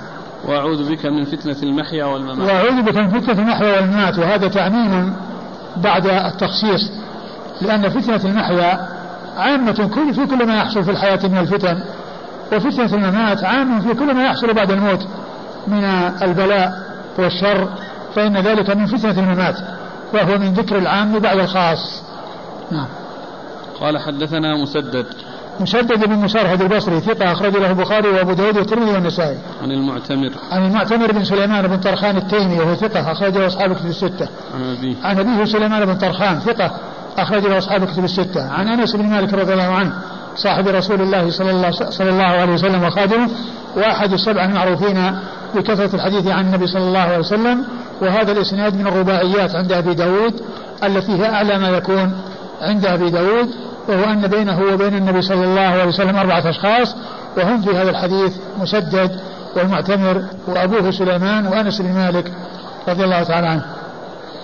قال حدثنا سعيد بن منصور وقتيبة بن سعيد قال حدثنا يعقوب بن عبد الرحمن قال سعيد الزهري عن عمرو بن أبي عمرو عن أنس بن مالك رضي الله عنه أنه قال كنت أخدم النبي صلى الله عليه وآله وسلم فكنت أسمعه كثيرا يقول اللهم إني أعوذ بك من الهم والحزن وضلع الدين وغلبة الرجال وذكر بعض ما ذكره التيمي. ثم ذكر أبو داود رحمه الله حديث آه، أنس. أنس بن مالك رضي الله عنه أن أنه كان يخدم النبي صلى الله عليه وسلم وكان يسمعه يقول اللهم إني أعوذ بك من الهم والحزن وضلع الدين. وضلع الدين وقهر الرجال. وذكر بعض ما ذكره التيمي يعني في الحديث السابق. لأن التيمي هو هو أبو أبو المعتمر. المعتمر بن سليمان بن طرخان التيمي. فيعني ذكر إنه جاء يعني في هذا هذا متن هذا الحديث بعض ما ذكره التيمي التي هي العجز والكسل وما يعني والهرم والبخل. وفتنة المحيا وفتنة الممات.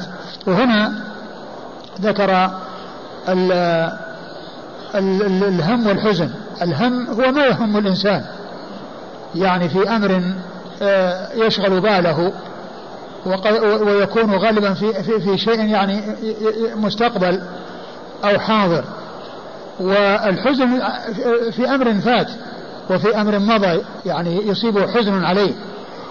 فالاستعاذة من من الهم والحزن وضلع الدين وهو شدته وكون الإنسان آه، يصير عليه الدين ولا يصير عنده سداد فيصير يعني يهمه ويشغله فضلع الدين هو شدته حيث لا يكون عنده سداد. وقهر الرجال يعني غلبتهم. وقهرهم. نعم. قال حدثنا سعيد بن منصور. سعيد بن منصور ثقة أخرج له أصحاب كتب الستة. وقتيبة بن سعيد. وقتيبة بن سعيد ثقة أخرج له أصحاب كتب الستة. عن يعقوب بن عبد الرحمن. عن يعقوب بن عبد الرحمن الزهري وهو ثقة. أخرج أصحاب الكتب إلا ابن ماجه. وهو ثقة أخرج أصحاب الكتب الستة إلا ابن ماجه. قال سعيد الزهري. قال سعيد الزهري يعني الشيخ الأول الذي هو سعيد بن منصور أضاف إلى يعقوب بن عبد الرحمن الزهري. وأما الشيخ الثاني الذي هو قتيبة بن سعيد فقد اقتصر على يعقوب بن عبد الرحمن. يعني أن الذي نسبه وأضاف في آه، ما يعني ذكر النسب هو سعيد بن منصور. والذي لم يذكر هذا هذه النسبة في هذا الإسناد هو قتيبة بن سعيد. نعم. عن عمرو بن أبي عمرو. عن عمرو بن أبي عمرو وهو ثقة أخرج له أصحاب الكتب الستة. ثقة ربما وهم. ثقة ربما وهم. نعم. ثقة ربما ثقة ربما وهم. أخرجه أصحاب الكتب الستة. عن أنس بن مالك. عن أنس بن مالك رضي الله عنه وقد مر ذكره. قال حدثنا القعنبي عن مالك عن أبي الزبير المكي عن طاووس عن عبد الله بن عباس رضي الله عنهما أن رسول الله صلى الله عليه وآله وسلم كان يعلمهم هذا الدعاء كما يعلمهم السورة من القرآن. يقول اللهم إني أعوذ بك من عذاب جهنم. وأعوذ بك من عذاب القبر وأعوذ بك من فتنة المسيح الدجال وأعوذ بك من فتنة المحيا والممات. ثم ورد أبو داود حديث ابن عباس رضي الله تعالى عنهما أن النبي صلى الله عليه وسلم كان يعلمهم هذا الدعاء كما يعلمهم السورة من القرآن يعني يدل على الاهتمام به والعناية. وجاء في بعض الروايات أن ذلك في التشهد أو بعد التشهد يعني وقبل السلام. وتعليم النبي قول الراوي أنه كان يعلمهم كما يعلمهم السورة من القرآن يدل على الاهتمام والعناية. وقد مر بنا قريبا حديث الاستخارة وأنه كان يعلمهم كما يعلمهم السورة من القرآن. وكذلك مر في حديث التشهد التحيات لله والصلوات أنه كان يعلمهم كما يعلمهم السورة من القرآن يعني أنه يدل على الاهتمام والعناية من رسول الله صلى الله عليه وسلم بهذا الدعاء الذي يعلمهم إياه. وهذا الدعاء وأنه يقول اللهم أني أعوذ بك من عذاب جهنم ومن وأعوذ بك من عذاب القبر وأعوذ بك من فتنة المسيح الدجال وأعوذ بك من فتنة المحيا والممات. عذاب جهنم هو عذاب النار وجهنم اسم من أسماء النار. وعذاب القبر هو داخل في عذاب الآخرة وهو عذاب البرزخ الذي يكون بين الموت وبين البعث. ولكنه تابع للدار الآخرة لأنه في دار الجزاء. وأعوذ بك من فتنة المسيح الدجال وهو الرجل الذي أخبر النبي صلى الله عليه وسلم بفتنته وما يحصل آه، منه من الأمور المدهشة التي آه، آه، يغتر بها كثير من الناس. وأعوذ بك من فتنة المحيا والممات. وهذا تعميم بعد تخصيص كما سبق أن مر قريبا نعم. قال حدثنا القعنبي القعنبي عبد الله بن مسلمة بن قعنب ثقة أخرج له أصحاب الكتب الستة إلا ابن ماجه. عن مالك. عن مالك بن أنس إمام دار الهجرة الإمام المحدث الفقيه أحد أصحاب المذاهب الأربعة المشهورة من مذاهب أهل السنة وحديثه أخرجه أصحاب الكتب الستة. عن أبي الزبير المكي. عن أبي الزبير المكي وهو محمد بن مسلم بن تدرس وهو صدوق أخرج له أصحاب الكتب الستة. عن طاووس. عن طاووس بن كيسان وهو ثقة أخرج له أصحاب الكتب الستة. عن ابن عباس. عن ابن عباس عبد الله بن عباس بن عبد المطلب ابن عم النبي صلى الله عليه وسلم وأحد العباد الأربعة من الصحابة وأحد السبعة المعروفين بكثرة الحديث عن النبي صلى الله عليه وسلم قال حدثنا إبراهيم بن موسى الرازي قال أخبرنا عيسى قال حدثنا هشام عن أبيه عن عائشة رضي الله عنها أن النبي صلى الله عليه وآله وسلم كان يدعو بهؤلاء الكلمات. اللهم إني أعوذ بك من فتنة النار وعذاب النار ومن شر الغنى والفقر. ثم ورد أبو داود حديث عائشة رضي الله عنها أن النبي صلى الله عليه وسلم كان يدعو بهؤلاء الكلمات اللهم نعوذ بك من فتنة النار ومن عذاب النار ومن شر الغنى والفقر. وفتنة النار يعني قيل إن المقصود بذلك ما يحصل من آه، التبكيت والتقريع الذي يحصل لهم يعني في النار كما ذكر الله عز وجل عن الخزنة كلما ألقي فيها فوج سألهم خزنتها لم يأتكم نذير. وعذاب النار الذي هو الاصطلاء بعذابها وحصول العذاب فيها. وفتنة الغنى والفقر الغنى الذي يكون معه الطغيان والفقر الذي يكون معه عدم الصبر أو يكون معه الأمور التي يعني لا تحمد عقباها كأن الإنسان يقدم على أن يحصل المال عن طريق حرام بسبب الفقر الذي قد حصل له. فالغنى يمكن أن يكون نعمة وأن يكون نقمة. ويبتلى به كما قال الله عز وجل و آه، ونبلوكم بالشر والخير فتنة. فإن البلوى تكون بالخير وتكون بالشر. والإنسان إذا يعني أعطي المال ولم يشكر الله عز وجل على هذه النعمة ثم آه، طغى وحصل له الطغيان وحصل له إفساد المال وصرفه يعني في الأمور التي لا يجوز أن يصرف فيها فإنه يكون وبالا عليه. يعني هذا الغنى.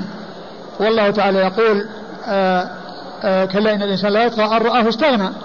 يعني يحصل آه، بسبب الاستغناء الطغيان من بعض الناس. وكذلك يقول الله عز وجل ولو بسط الله رزقا لعباده لبغوا في الأرض فإن الغنى قد يكون نعمة وقد يكون نقمة. فمن الناس من يستعمله في طاعة الله ومن يستعمله في ما يعود عليه بالخير مثل ما كان الصحابة رضي الله عنهم وأرضاهم. مثل عثمان بن عفان وعبد الرحمن بن عوف وغيرهم من أثرياء الصحابة الذين يصرفون أموالهم في سبيل الله عز وجل. فينتفعون بذلك دنيا وأخرى وينفعون غيرهم. ويعود آه، ثواب ذلك عليهم حيث ينفقون أموالهم في سبيل الله عز وجل. وكذلك الفقر يعني الفقر يعني وهو قلة ذات اليد. قد يجعل الإنسان يقدم على سرقة أو يقدم على يعني آه، آه، تسخط وتألم وعدم صبر وما إلى ذلك من الأمور التي تترتب. يعني يعني الصبر الذي الفقر الذي يكون لا يكون معه صبر. ولهذا الشكر مع الغنى والصبر مع الفقر يعني من الصفات المحمودة. نعم قال حدثنا إبراهيم بن موسى الرازي. إبراهيم بن موسى الرازي ثقة أخرج له أصحاب الكتب الستة. عن عيسى. عن عيسى بن يونس بن أبي إسحاق ثقة أخرج له أصحاب الكتب الستة. عن هشام. عن هشام بن عروة بن الزبير ثقة أخرج له أصحاب الكتب الستة. عن أبيه. عن أبيه عروة بن الزبير وهو ثقة فقيه من فقهاء المدينة السبعة في عصر التابعين أخرج له أصحاب الكتب الستة. عن عائشة. عن عائشة أم المؤمنين رضي الله عنها وأرضاها الصديقة بنت الصديق وهي واحدة من سبعة أشخاص عرفوا بكثرة الحديث عن النبي صلى الله عليه وسلم وهذا الإسناد كله ممن خرج له رجاله و أو إسناده ممن خرج له أصحاب الكتب الستة. قال حدثنا موسى بن إسماعيل قال حدثنا حماد قال أخبرنا إسحاق بن عبد الله عن سعيد بن يسار عن أبي هريرة رضي الله عنه أن النبي صلى الله عليه وآله وسلم كان يقول: اللهم إني أعوذ بك من الفقر والقلة والذلة وأعوذ بك من أن أظلم أو أظلم. ثم ورد أبو داود حديث أبي هريرة رضي الله عنه أن النبي صلى الله عليه وسلم كان يقول اللهم إني أعوذ بك من الفقر والقلة والذلة وأعوذ بك أن أظلم أو أظلم. الفقر والقلة يعني قيل أن المقصود بالقلة هي قلة المال وعلى هذا يصير قريب من الفقر أو يعني يماثل الفقر أو القلة يعني في القلة في العدد التي يعني لا يحصل من ورائها نصرة يعني فال يعني يعني آه، تتعلق بقلة الأعداد إما بقلة المال أو بقلة العدد. والذلة يعني كل إنسان يحصل يحصل له الذل والخوف والذعر وأن يكون ذليلا. نعم. وأعوذ بك أن أظلم أو أظلم. أن يظلم هو أو يظلم هو أن يلحق الضرر بغيره أو أو غيره يلحق الضرر به. فهو يتعوذ بالله أن يكون ظالما أو مظلوما. أن يكون ظالما يظلم غيره أو غيره يظلمه. قال حدثنا موسى بن إسماعيل. موسى بن إسماعيل التبوذكي البصري ثقة أخرج له أصحاب الكتب الستة. عن حماد. عن حماد بن سلمة. وقد عرفنا فيما مضى أنه إذا جاء موسى ابن إسماعيل يروي عن حماد وحماد غير منسوب فالمراد به ابن سلمة وهو ثقة أخرج له البخاري تعليقا ومسلم وأصحاب السنن. عن إسحاق بن عبد الله. عن إسحاق بن عبد الله بن أبي طلحة. نعم. آه خرج له. آه ثقة ثقة خرج له. أصحاب الكتب. ثقة خرج له أصحاب الكتب الستة. عن سعيد بن يسار. عن سعيد بن يسار وهو ثقة أخرج له أصحاب الكتب الستة. عن أبي هريرة. عن أبي هريرة عبد الرحمن بن صخر الدوسي صاحب رسول الله عليه الصلاة والسلام وأكثر أصحابه حديثا على الإطلاق رضي الله عنه وأرضاه. قال حدثنا ابن عوف قال حدثنا عبد الغفار بن داود قال حدثنا يعقوب بن عبد الرحمن عن موسى بن عقبة عن عبد الله بن دينار عن ابن عمر رضي الله عنهما قال كان من دعاء رسول الله صلى الله عليه وآله وسلم اللهم إني أعوذ بك من زوال نعمتك وتحول عافيتك وفجاءة نقمتك وجميع سخطك. ثم ورد أبو داود حديث ابن عمر. عبد الله بن عمر رضي الله تعالى عنهما أن النبي صلى الله عليه وسلم كان يقول اللهم إني أعوذ بك من زوال من نعمتك. زوال نعمتك. زوال, زوال النعمة ذهابها وسلبها. وكل إنسان يكون في نعمة فيسلبها. فيتحول يعني من الغنى إلى الفقر. زوال نعمتك وهي أعم من الغنى. لأن نعم الله عز وجل لا تحصى. ويدخل فيها الصحة والعافية ويدخل فيها المال ويدخل فيها أنواع النعم. لأن النعمة يعني هنا يعني من, من, من المفرد المضاف إلى معرفة فيكون عاما. و والله تعالى يقول إن تعدوا نعمة الله لا تحصوها. وما بكم من نعمة فمن الله. آه، وفجاءة نقمتك. يعني آه، يعني آه، تحول. وتحول عافية. عافيتك. تحول العافية من من من الصحة إلى المرض ومن الخير إلى الشر وفجاءة نقمتك يعني البغتة. يعني كل إنسان يعني تحويل يحصل له انتقام ويكون نقمة ويكون فيها فجأة لأن البغتة قد يعني يحصل الإنسان قد يحصل الإنسان أمور تضره يعني حيث يعني تحصل له تلك البغتة وفجاءة نقمتك وجميع. سخطك وهذا عام. يعني جميع سخطك يعني جميع يعني كل ما يسخط الله عز وجل. نعم. قال حدثنا ابن عوف. ابن عوف هو محمد بن عوف وهو ثقة أخرجه مسلم أخرجه أبو داود والنسائي في عمل يوم الليلة. في مسند علي. في مسند علي. عن عبد الغفار بن داود عن عبد الغفار بن داود وهو ثقة أخرج له البخاري وأبو داود والنسائي بن ماجه. البخاري وأبو داود والنسائي بن ماجه. عن يعقوب بن عبد الرحمن عن موسى بن عقبة. عن يعقوب بن عبد الرحمن مر ذكره موسى بن عقبة هو ثقة أخرج له أصحاب الكتب الستة. عن عبد الله بن دينار. عن عبد الله بن دينار ثقة أخرج له أصحاب الكتب الستة. عن ابن عمر. عن عبد الله بن عمر بن الخطاب رضي الله تعالى عنهما وهو أحد العباد الأربعة من الصحابة وأحد السبعة المعروفين بكثرة الحديث عن النبي صلى الله عليه وسلم. قال حدثنا عمرو بن عثمان قال حدثنا بقية قال حدثنا ضبارة بن عبد الله بن أبي السليك عن دويد بن نافع قال حدثنا أبو صالح السمان قال قال أبو هريرة رضي الله عنه إن رسول الله صلى الله عليه وآله وسلم كان يدعو يقول اللهم إني أعوذ بك من الشقاق والنفاق وسوء الأخلاق. ثم ورد أبو داود حديث أبي هريرة رضي الله عنه أن النبي صلى الله عليه وسلم كان يدعو يقول اللهم إني أعوذ بك من الشقاق والنفاق وسوء الأخلاق. والشقاق هو المشاقة والمخاصمة بالحق وكذلك يعني كل إنسان يشاق ويخاصم يعني بالباطل يعني يعني في مقابلة من هو مقابلة الحق. والنفاق الذي هو إظهار الإيمان وإبطان الكفر الذي هو النفاق الاعتقادي وكذلك النفاق العملي الذي منه الكذب وغير ذلك.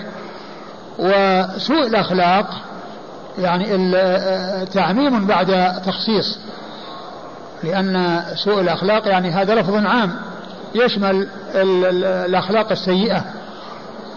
والحديث لم يثبت عن رسول الله عليه الصلاة والسلام في إسناده من هو مجهول. ولكن الإنسان إذا دعا بهذا الدعاء لا على أنه من قول الرسول صلى الله عليه وسلم ولكن لكونه دعاء مشتملا على أمر عظيم وكذلك هو جامع لا بأس بأن يدعو به لكن لا على اعتبار أنه حديث وأن هذا دعاء الرسول صلى الله عليه وسلم هو لم يثبت عن رسول الله عليه الصلاة والسلام ولكن معناه صحيح وهو دعاء صحيح. الإنسان يعني يسأل الله السلامة من الشقاق والنفاق وسوء النفاق وسوء الأخلاق لكن لا يضيفه إلى الرسول صلى الله عليه وسلم ويقول هذا كلام الرسول صلى الله عليه وسلم وهو لم يثبت عنه عليه الصلاة والسلام. نعم. قال حدثنا عمرو بن عثمان. عمرو بن عثمان هو الحمصي صدوق أخرج له آه، أبو داود والترمذي والنسائي وابن ماجه. أبو داود والنسائي وابن ماجه. نعم. أبو داود والنسائي وابن ماجه. أبو داود والنسائي وابن ماجه. عن بقية. عن بقية بن الوليد الحمصي وهو صدوق كثير التدليس عن الضعفاء وحديثه أخرجه آه، البخاري تعليقا ومسلم وأصحاب السنن. عن ضبارة بن عبد الله عن بن, ضبارة بن عبد الله بن أبي السليك. بن أبي السليك وهو مجهول أخرج له. خالف المفرد وأبو داود والنسائي وابن ماجه. البخاري في الأدب المفرد وأبو داود والنسائي بن ماجه. عن دويد بن نافع. عن دويد بن نافع وهو مقبول أخرجه أبو داود مقبول أخرج له أبو داود. والنسائي بن ماجه. أبو داود والنسائي بن ماجه. عن أبي صالح السمان. عن أبي صالح السمان وهو ذكوان اسمه ذكوان ولقبه السمان. وحديث وهو ثقة أخرج له أصحاب الكتب الستة. عن أبي هريرة وقد مر ذكره. قال حدثنا محمد بن العلاء عن ابن إدريس عن ابن عجلان عن المقبوري عن أبي هريرة رضي الله عنه أنه قال كان رسول الله صلى الله عليه وآله وسلم يقول اللهم إني أعوذ بك من الجوع فإنه بئس الضجيع وأعوذ بك من الخيانة فإنها بئست البطانة. ثم ورد أبو داود حديث أبي هريرة. حديث أبي هريرة رضي الله تعالى عنه أن النبي صلى الله عليه وسلم كان يقول اللهم إني أعوذ بك من الجوع فإنه بئس الضجيع. الضجيع يعني الذي يلازم الإنسان يعني كما يعني يلازم كما يلازم في الفراش يعني فيكون هذا يكون معه ويلازمه يعني يكون معه إذا اضطجع وإذا نام يعني ويكون يعني مشوش الذهن ومشوش الفكر لخلو معدته من الطعام ولحاجته إلى الطعام فيكون عنده التشويش وعنده التشوش و وأعوذ بك من الخيانة فإنها بئست البطانة. الخيانة هي عامة وهي, وهي ضد الأمانة وتكون في حق الله وفي حق الناس. تكون في حق الله وحق الناس. الأمانة تكو- تكون في حقوق الله عز وجل كالصلاة والصيام والصدقة والزكاة والحج وغسل الجنابة وغير ذلك. وتكون في حقوق الناس وفيما بين الناس بعضهم وبعض. فإنها بئست البطانة. يعني ال- ال- ال- البطانة هي في الأصل يعني اللباس الداخلي أو بطانة الشيء يعني ما يكون من الداخل لأن في ظاهرة وباطنة أو بطانة وظهارة فالبطانة ما تكون من الداخل. ومعنى هذا أنها بئست ال- ال- التي تكون يعني صفة للإنسان أو تكون يتصف بها الإنسان أو يكون ينطوي عليها الإنسان.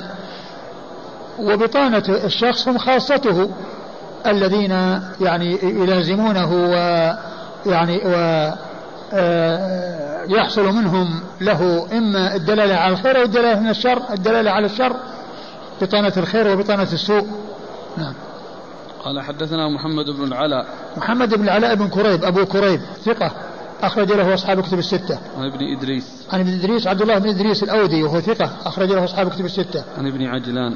عن ابن عجلان محمد بن عجلان المدني صدوق أخرج له البخاري تعليقا ومسلم وأصحاب السنن. عن المقبوري. عن المقبوري وهو يحتمل أن يكون أبي أبو سعيد المقبوري أو أنه سعيد بن أبي سعيد لأن كل منهم يروي عن أبي هريرة. وكل منهما ثقة وكل منهم خرج له أصحاب الكتب الستة. هو سعيد. هو أبو سعيد. سعيد. نعم. سعيد بن كيسان. يعني نص عليه ال- المزي المزي سعيد بن أبي سعيد. نعم. هو يعني نص المزي على أنه سعيد بن أبي سعيد. عن أبي هريرة. عن أبي هريرة عبد الرحمن بن صخر الدوسي صاحب رسول الله صلى الله عليه وسلم. ومر ذكره. قال حدثنا قتيبة بن سعيد قال حدثنا الليث عن سعيد بن أبي سعيد المقبري عن أخيه عباد بن أبي سعيد أنه سمع أبا هريرة رضي الله عنه يقول كان رسول الله صلى الله عليه وآله وسلم يقول اللهم إني أعوذ بك من الأربع من علم لا ينفع ومن قلب لا يخشع ومن نفس لا تشبع ومن دعاء لا يسمع.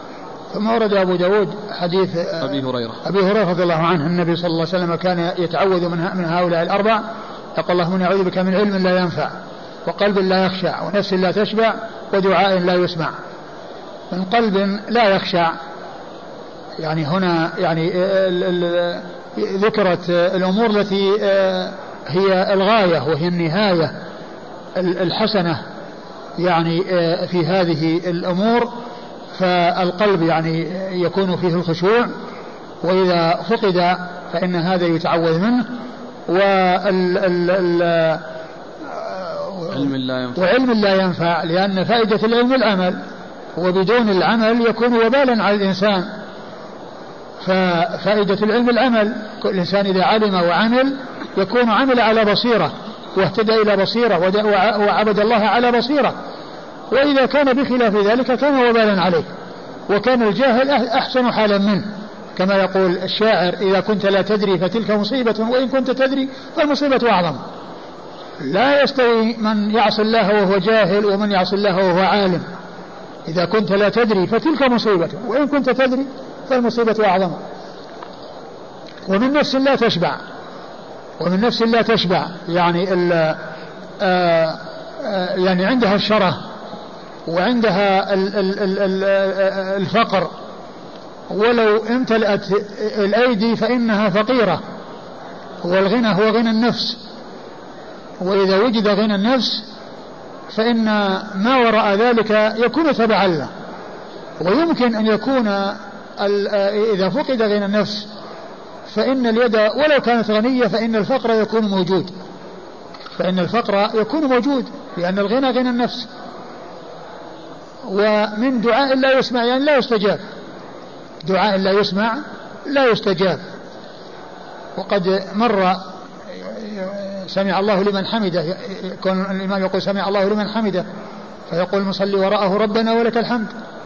وسبق أن ذكرنا الفائدة العظيمة التي قال فيها بعض العلماء في بيان يعني منزلة معاوية بن أبي سفيان لما قيل له ماذا تقول في معاوية بن أبي سفيان؟ قال ماذا أقول ماذا أقول في رجل صلى خلف النبي صلى الله عليه وسلم؟ فقال رسول الله صلى الله عليه وسلم في الصلاة سمع الله لمن حمده. فقال معاوية وراءه ربنا ولك الحمد. نعم. قال حدثنا قتيبة بن سعيد. قتيبة مر ذكره. عن الليث. والليث بن سعد هو المصري ثقة فقيه أخرج له أصحاب كتب الستة.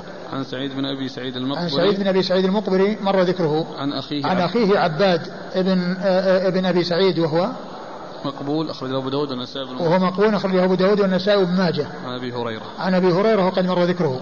فسعيد بن أبي سعيد يروي عن أبيه عن أبيه عن أبي هريرة, عن أبي هريرة ويروي عن أخيه عن أبي هريرة ويروي عن أبي هريرة مباشرة. نعم. هذا يصح الحديث. مع وجود المقبول. ها؟ هذا الحديث صحيح. المقبول فيه لا يضر.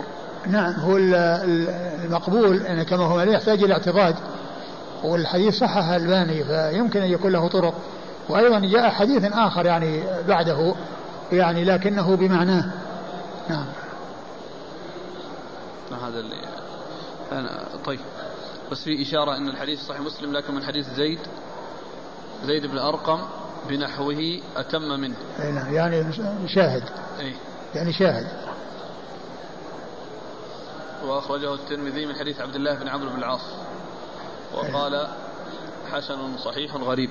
يعني معناه أن أن أن يعني له شاهدان. يعني عند مسلم وعند الترمذي. وقول الترمذي حسن صحيح غريب كلمة غريب هذه لا تؤثر لأنه يستعملها أحيانا. يعني فيها حديث في الصحيحين مثل حديث آخر حديث في صحيح البخاري آه كلمتان آه حبيبتان الرحمن خفيفتان على اللسان ثقيلتان في الميزان سبحان الله وبحمده سبحان الله العظيم. فإن الترمذي خرجه وقال حسن صحيح غريب.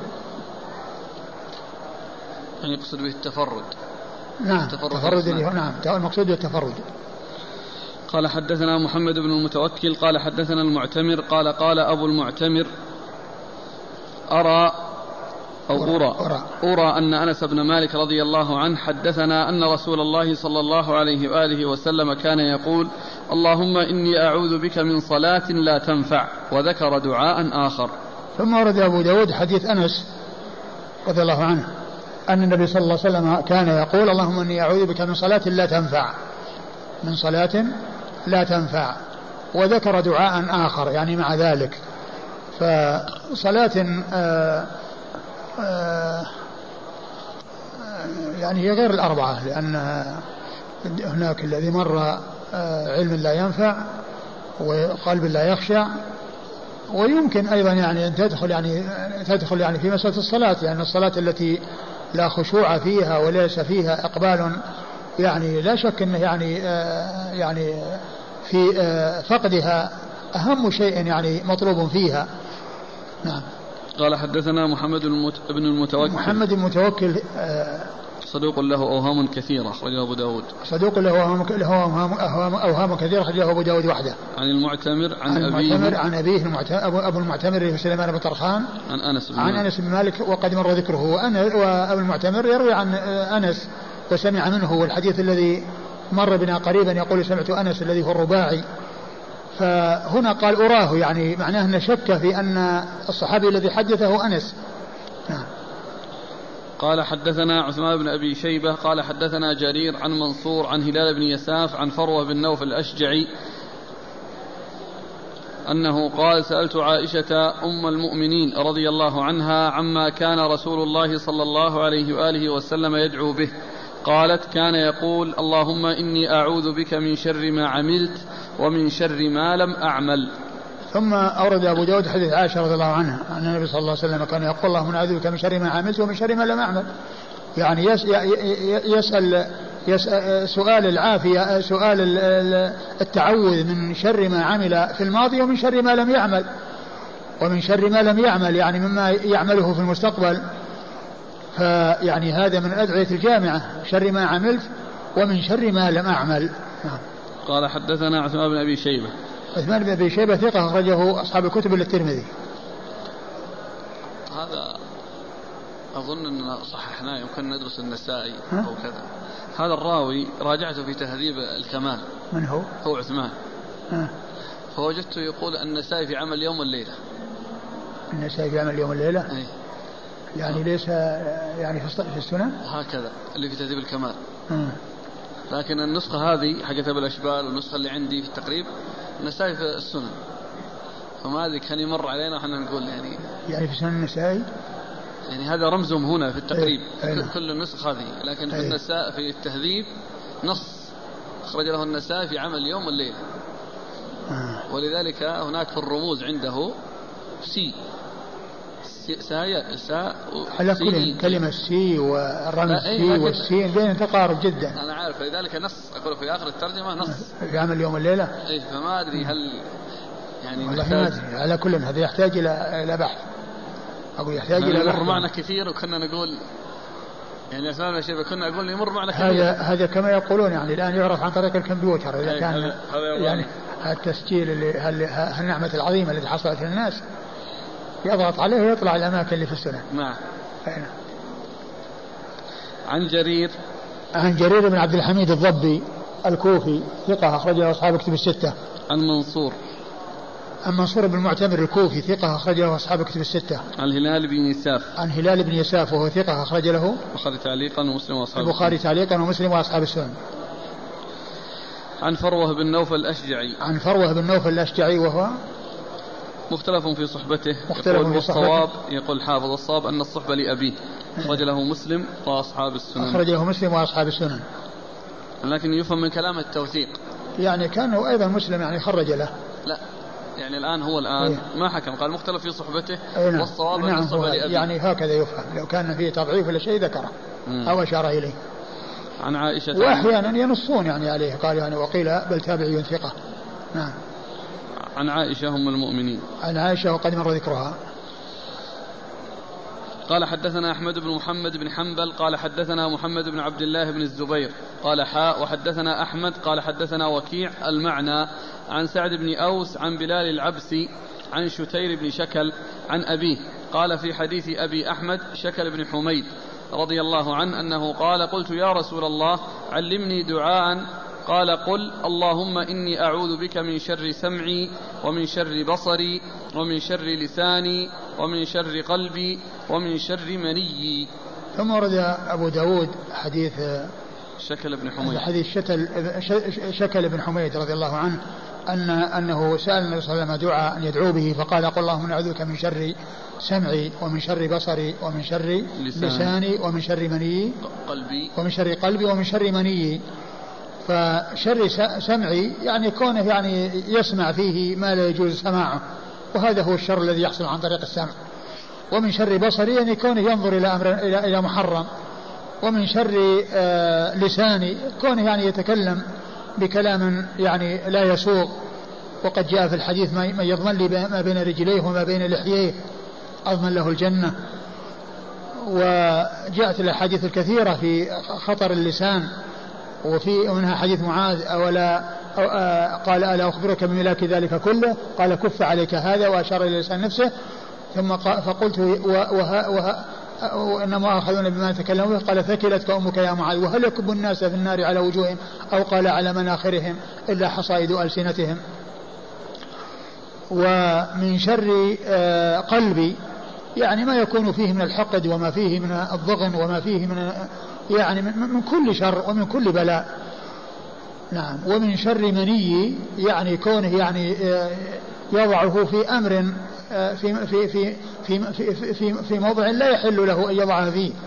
كما قال الله عز وجل والذين هم لفروجهم حافظون إلا على أزواجهم وما ملكت أيمانهم فإنهم غير ملومين. فمن ابتغى وراء ذلك فأولئك هم العادون. فإذا وضع في أي مكان غير هذين الموضعين وهو الأزواج وملك اليمين فإنه من العدوان. ومن الاعتداء آه، وهو ملوم يعني صاحبه. نعم. والحديث الذي أشرت إليه من يضمن لي ما بين لحييه وما بين رجليه أضمن له الجنة يعني أي يحفظ فرجه. نعم. قال حدثنا أحمد بن محمد بن حنبل. أحمد بن محمد بن حنبل الشيباني الإمام المشهور أحد أصحاب المذاهب الأربعة من مذاهب أهل السنة وحديثه أخرجه أصحاب الكتب الستة. عن محمد بن عبد الله بن الزبير. عن محمد بن عبد الله بن الزبير وهو أبو أحمد الزبيري ثقة أخرج له. أصحاب الكتب. أخرجه أصحاب الكتب الستة. قال حا وحدثنا أحمد قال حدثنا وكيع المعنى. ثم قال حا وحدثنا أحمد أي بن حنبل عن وكيع وهو ابن الجراح الرؤاسي ثقة أخرج له أصحاب الكتب الستة. المعنى. المعنى يعني المعنى واحد. عن سعد بن أوس. عن سعد بن أوس وهو ثقة أخرجه البخاري في المفرد وأصحاب السنن. أخرجه البخاري في الأدب المفرد وأصحاب السنن. عن بلال العبسي. عن بلال العبسي وهو صدوق أخرجه البخاري في المفرد وأصحاب السنن. صدوق أخرجه البخاري في الأدب المفرد وأصحاب السنن. عن شتير بن شكل. عن شتير بن شكل وهو ثقة أخرج له. البخاري في المفرد ومسلم وأصحاب السنن. البخاري في الأدب المفرد ومسلم وأصحاب السنن. عن أبيه شكل بن حميد صاحب رسول الله صلى الله عليه وسلم وحديثه. صحابي له حديث. نعم صحابي له حديث. يعني هذا الحديث أخرج له. البخاري في المفرد وأبو داود والترمذي والنسائي. البخاري في الأدب المفرد وأبو داود والترمذي والنسائي. قال في حديث أبي أحمد شكل بن حميد.